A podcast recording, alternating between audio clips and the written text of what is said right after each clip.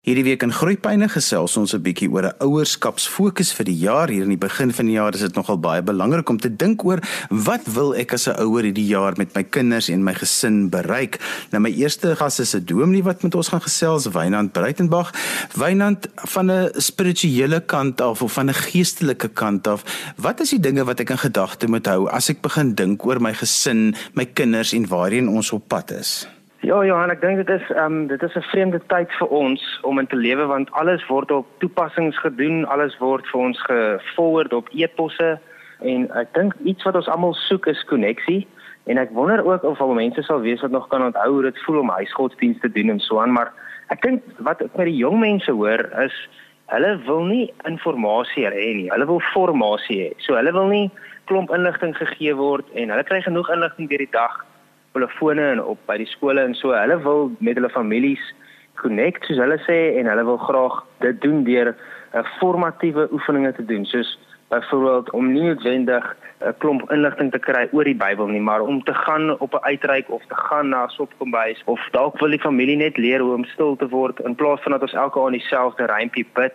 Dit is dalk net sê waarvoor is ons dankbaar vir die dag? En ons kan dit net so half sê God en vir die familie en so op hierdie manier kan families wat is saam gesinne is saam bou aan 'n tipe van 'n ritme van hulle van hulle lewens en en hierdie ritmes is ook omdat ons lewe in so onvoorspelbare lewe is dit amper asof die ritmes uh, jong mense kan begrond en en vir hulle wortels kan laat skiet en ek dink dit is maar wat wat jong mense vir my sê as ek met hulle praat en ek ek vermoed dat dit ook is waar ehm um, wat ouers sal wil hê is kwaliteit tyd saam met hulle kinders en uh, dit is regtig moeilik in ons daal lewe.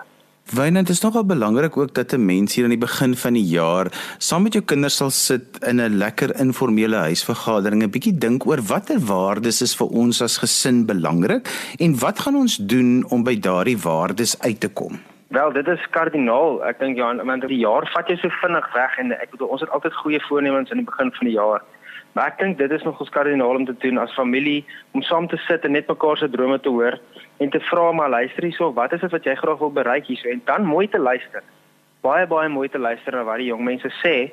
Dalk is dit nou die verkeerde rigting waarin die jong mens gaan is en nie net om daai kind te sê nee, is, jy weet, dis nou nie wat God sou wil hê nie of dis nou nie wat die kerk sou wil hê nie, om regtig te begin vra maar hoekom is dit wat jy wil hê? Miskien wil die kind goeie punte hê en om geld te maak of wat ook al en daar's geen fout daarmee nie, maar wat is die rede daarmee? Wat is dit wat ons wil bereik daarmee? Ons het 'n groot probleem hier so in Durban wil byvoorbeeld met die wat Engelse nou noem performance anxiety. Met die jong mense het, het kom soms later as ek by huis. Hulle doen nog jy weet buite mense goeie tot 9:00 die aand toe en dis amper asof hierdie performance anxiety agter hulle aankom. Hulle weet nie eintlik waarom om te maak nie. So ouers kan regtig vir jong mense vra as hulle hulle drome vertel en hulle doele vir die jare, maar hoekom wil jy hierdie doen nie? En om dan regtig te sê maar kom ons probeer nie perform nie. Kom ons probeer nie wen nie. Kom ons sê maar wat van as jy iets deelneem wat regtig net vir jou lekker is in plaas van dat ons moet wen. En, en so kan hierdie gesprekke maar verder gaan.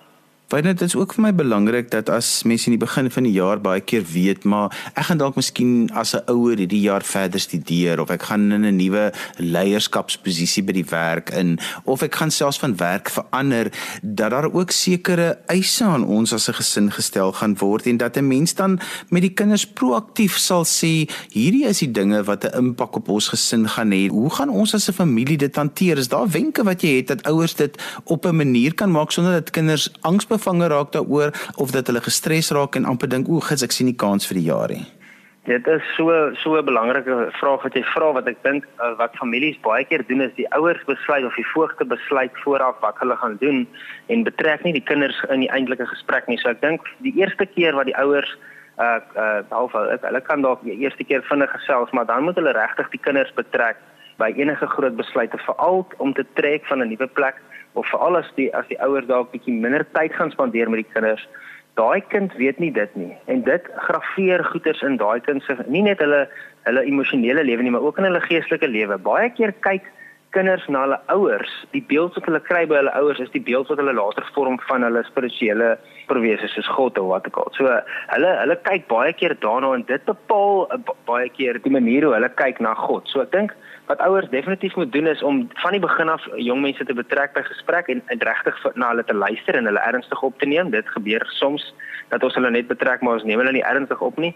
En dan ook om die keuse terug te gee en dan te sê maar okay, net mamma of pappa moet nou hierdie ding doen, maar hier's nou ons keuses. Wat dink julle is die beste om regtig die kind keuse te kan maak daar in daai oomblik? Dit is dit kan nogals belangrik wees. En dan die laaste ding wat ek sal sê is daar was altyd hierdie ding gewees dat ons moet saam bid families net saam bid oor groot dinge. Maar op hierdie stadium, omdat die lewe so vinnig is, het ek agtergekom dat jong mense dit verskriklik geniet om net stil te wees saam met mense in dieselfde vertrek. Ek weet nie wat dit is nie, ek weet nie hoekom dit so is nie, maar die kontemplatiewe meditasie styl gebede is regtig waar maak 'n groot impak in jong mense se lewens, veral in jong volwassenes tussen die ouderdom van 18 en 35 jaar oud. sien ek dat op hierdie manier kry hulle die kans om net wat ook al nou gebeur het, net te laat insink. So een my laaste wenk sal wees nadat jy oor groot goed gepraat het, vat net 'n oomblik om doodstil te wees. Sit die musiek af, sit die boeke weg, hou op praat en laat dit net insink wat ons wat hulle nou bespreek het en ek belowe dit dit maak 'n groot impak want die kind voel hy word gehoor of sy word gehoor en die kind voel ook dat daar soos nou ek dit neem nou ek beliggaam nou wat ek wat nou gebeur het. En so gesels Dominee Wynand Breitenberg Volgende gesels ek met Shaal Greef en hy's 'n biokineticus. Shaal, baie mense neem hier in die begin van die jaar sulke nuwejaarsvoornemens en dan om nou bietjie fikser te word, bietjie beter te kyk na hulle liggame, maar net so neem gesinne ook besluit hier in die begin van die jaar waarop hulle vanjaar wil fokus met hulle ouerskap betref en om gesonder te wees as 'n familie is ook een van die dinge waarop mense dan nou baie keer fokus. Watse wenke en raad het jy vir families as deel van hierdie ouerskapsfokus om gesonder te leef. Ja, Johan, baie dankie vir die geleentheid. Weet jy, dit is vir my geweldig belangrik dat jy dit noem as 'n gesin en as 'n gesinsformaat. Mense het baie keer in die praktyk waar ouers ehm um, kinders inbring veral dan in die begin van die jaar wat hulle 'n idee het om 'n norm van 'n kind of om 'n kind in 'n gewigsverlies of in 'n meer fiksheid of in 'n manier meer gesonde leefstylspatroon te probeer dwing. Maar ek voel die grootste faktor hierin is die voordeel die voorbeeld wat die ouers dan vir die kinders stel. Net soos wat mens 'n kind kan leer om gesonde tafelmaniere te hê of om gesonde maniere rondom ouer mense te hê. So moet mens gesonde leefstylsmaniere ook leer. Nou, dit is baie gereeld dat mense 'n veiligheidskwessie rondom dit het en dit is moeilik om as 'n gesin dalk om die blok te gaan stap. Maar daar's baie geleenthede soos parkruns of parkies of die klas van goed waar mense as 'n gesin kan gaan en kinders is oor die algemeen gemakliker as ouers die voortou neem um, om te gaan stap maar om daai tipe oefenriglyne aan te neem dink ek is geweldig belangrik dat die ouers die voortou neem en die, en die voorbeeld stel. Sjoe, hoe het 'n mens hierdie gesprek met jou kinders om te sê, maar ons wil 'n bietjie fikser wees want baie kere sê die kinders ja, maar hulle sê ook nee en hoe kan ouers hierdie gesprek met die kinders aanpak en as dit kinders is wat luister, is hoe kan hulle hierdie gesprek met hulle ouers aanpak? Ek dink dis 'n gesprek wat in 'n gesinsverband baie algemeen kan plaasvind. Dit is baie maklik om op 'n rolmodel te gaan fokus as jy nou byvoorbeeld gaan kyk wat die Springbokke in 2019 vir ons gewys het en 'n rolmodel uit dit te gaan kies of 'n danspatroon te gaan kies of 'n persoon te gaan kies wat wat moontlik 'n uh, 'n rolmodel of 'n rolmodel model figuur in hierdie in hierdie kind se lewe kan wees. Al is dit dalk nou 'n superheld vir vir daai mate om 'n kind deur so 'n manier te probeer motiveer. Dit is nie altyd maklik in alle gesinne nie want tyd is 'n kwessie, maar ek voel dit is een van die belangrikste goed om daai jy moet eenvoudig gaan neersit en en daai gesprekke te gaan voer. Daar is ook uit die aard van die saak baie keer biokinetiese fisioterapeute, sportwetenskaplikes, arbeidsterapeute in spesiale gevalle waar mense as 'n gesin na die mense toe kan gaan en hulle kan vir jou 'n oefenprogram gaan uitwerk.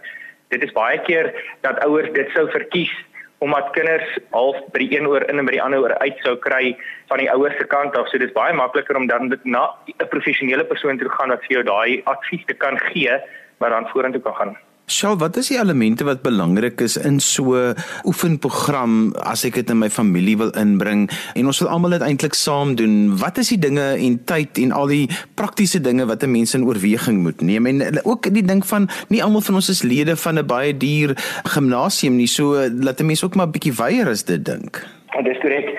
Finansies kan baie vinnige rol in hierdie tipe goedes begin speel. Ek dink een van die algemeenste goed is om te gaan kyk na die primêre bewegingspatrone wat die mens sedert oertyd al volg. Van 'n babietjie se kant af kyk mens na 'n baba begin rol en dan begin 'n baba kruip en dan is daar die sewe primêre bewegings wat mens gaan kyk uit die menslike liggaam uit. Dis 'n buig of wat mense in die gym wêreld se genoem het soos 'n deadlift waar ek my heupe sou vorentoe buig met met die met die bene reguit.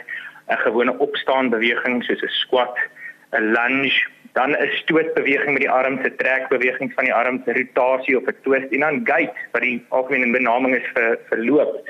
Nou, daar's vele maniere om hierdie bewegings te inkorporeer in 'n algemene oefenprogram in. Jy weet, mense kan 'n eenvoudige ding vat soos 'n push-up of net opstaan teen op 'n optrap teen 'n trappie, gaan sit op 'n boksie en opstaan van daar af en dit 'n paar keer repeteer as 'n gesin en en, en dit dan uit die aard van saak challenges mekaar en by die gebrek aan 'n aan 'n Engels of aan Afrikaans oor die stadium um, om dit dan teen mekaar te skets en regtig daarmee rond te speel.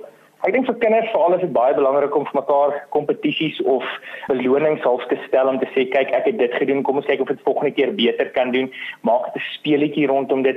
Dit moet lekker wees. Dit moenie 'n geforseerde afgedwingde ding wees op mekaar om te sê goed jy sal dit doen of ons moet dit doen nie dit moet amper grens aan speel en dit moet lekker wees dit moet 'n glimlag idee wees as mens gaan kyk na wat in die moderne gimnasiums op hierdie stadium gebeur dit lyk meer soos 'n nagklub soms met ligte en musiek want dit is die idee van lekker wees en en genot uit daar put. En dit is uit die asie saak wat mense regkry met jou kinders ook. Kan uit die asie saak kardiovaskulêr met dit werk hopscotch speel, mense kan springtou spring, mense kan tou trek. Daar is soveel verskillende amper soos ou boksport tipe idees wat mense kan gebruik, boeresport wil ek amper sê, wat regtig tot die game kan kom hierso wat mense baie goeie effektiwiteit met dit kan kry. Jy luister na Groepyne en ons gesels vandag oor 'n ouerskapsfokus vir 2020.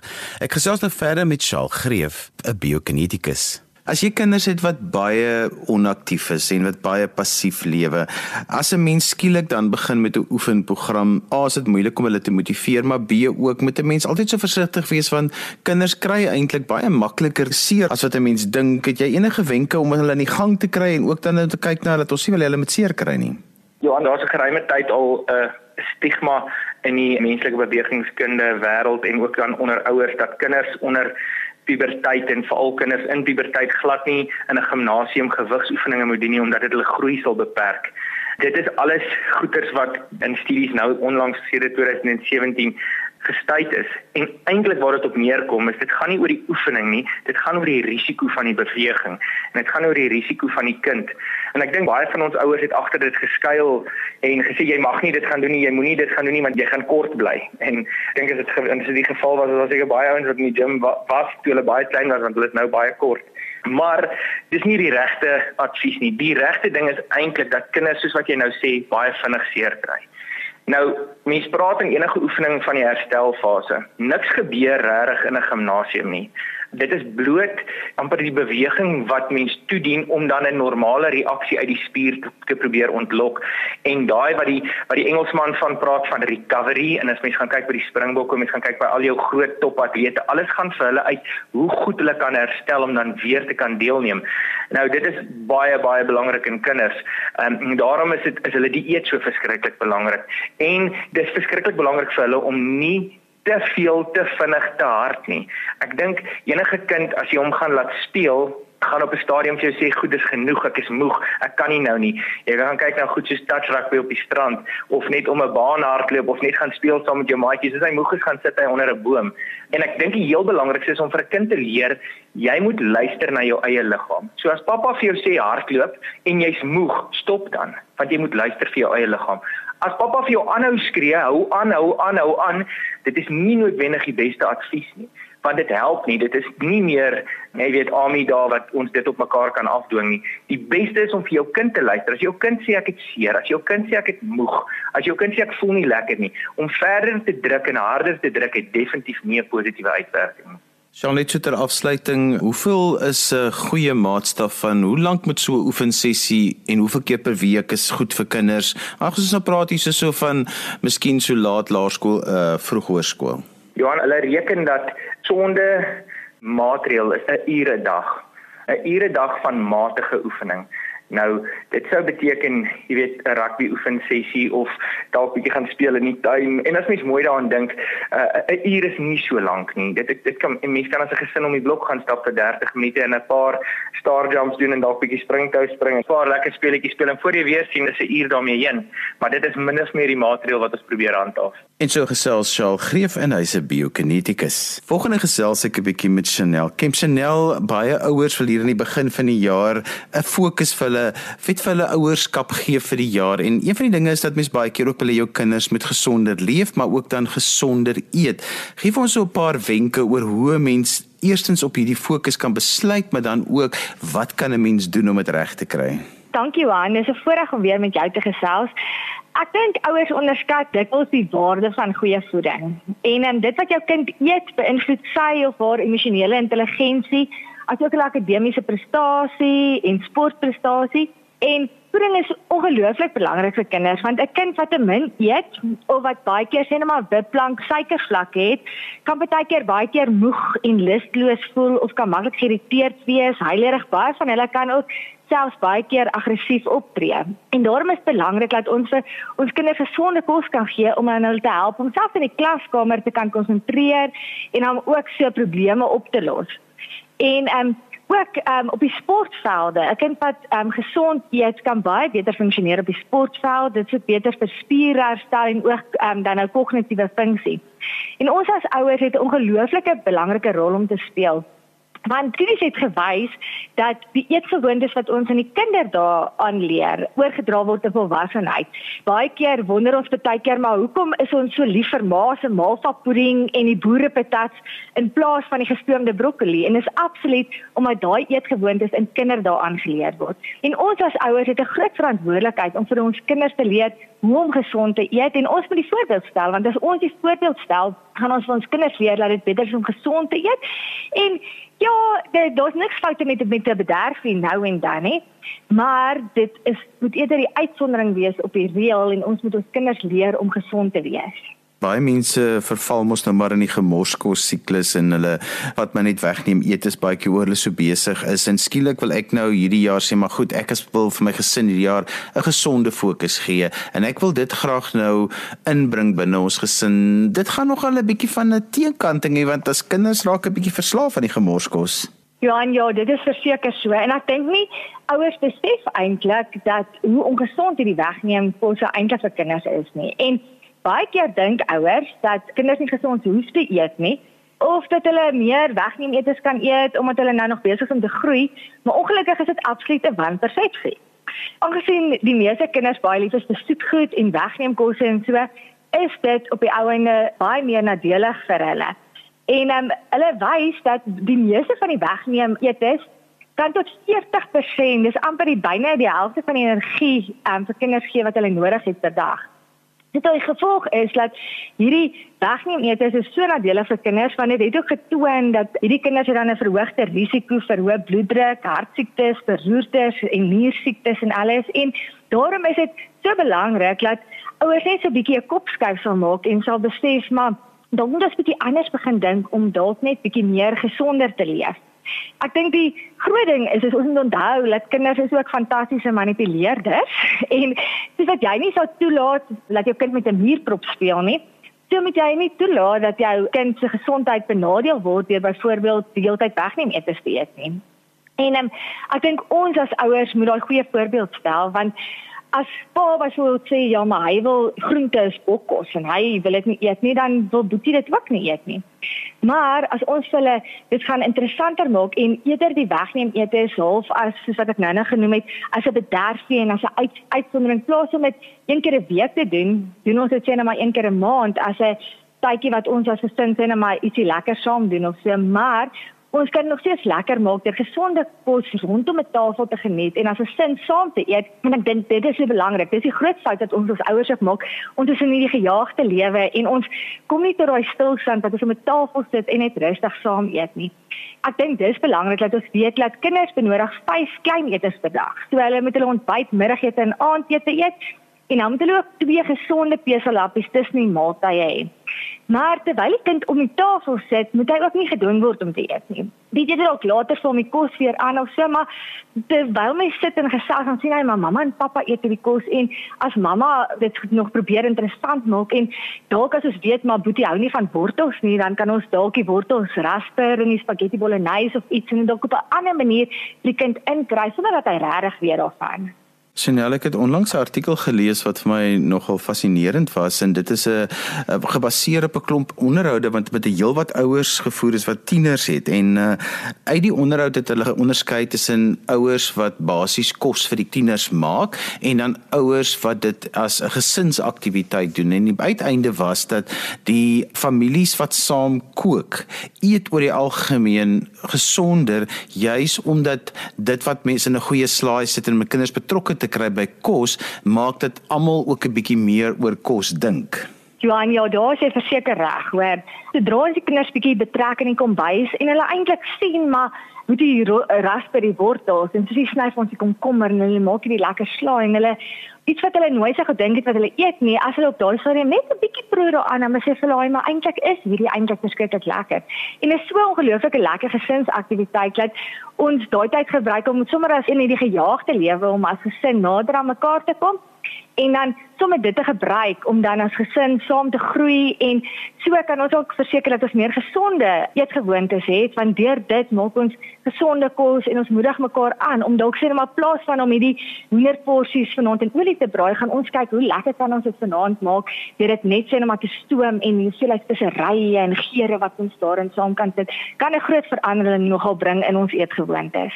Chanel, ek het onlangs gewerk met 'n tiener wat baie gesukkel het met haar gewig, maar ek self het ook nou onlangs hierdie fase gegaan wat ek ook baie met my gewig gesukkel het, wat vir my gewerk het was om gefriesde etes te kry wat absoluut gesond is en dit dan gefries in die oggende te vat en saam met my te neem en dan hier teen middagete is daardie ete mooi ontvries. Ek het dit maar net in 'n sakkie gesit en ek het dieselfde wenk gegee vir die tiener om dit ook toe te pas en baie interessant het die tiener se gewig en algemene gesondheid toe nou ook baie vinnig ontwikkel veral omdat sy dan nie by die snoepie koop nie en sy eet ook nie die naso. Sy kry dan 'n gebalanseerde en ek het net gereël dat sy dit by die skool by 'n mikrogolf kon warm maak en dit was 'n dramatiese impak wat dit op haar gewig gehad het. Verseker Johan, 'n navorsingsstudie wat ek my doktorsgraad in 2012 gedoen het, het ons 816 graad 1 leerders in die Noordwes provinsie getoets en Die resultate van die studie het getoon dat 1 uit elke 10 graad 1 leerders oorgewig of obese was.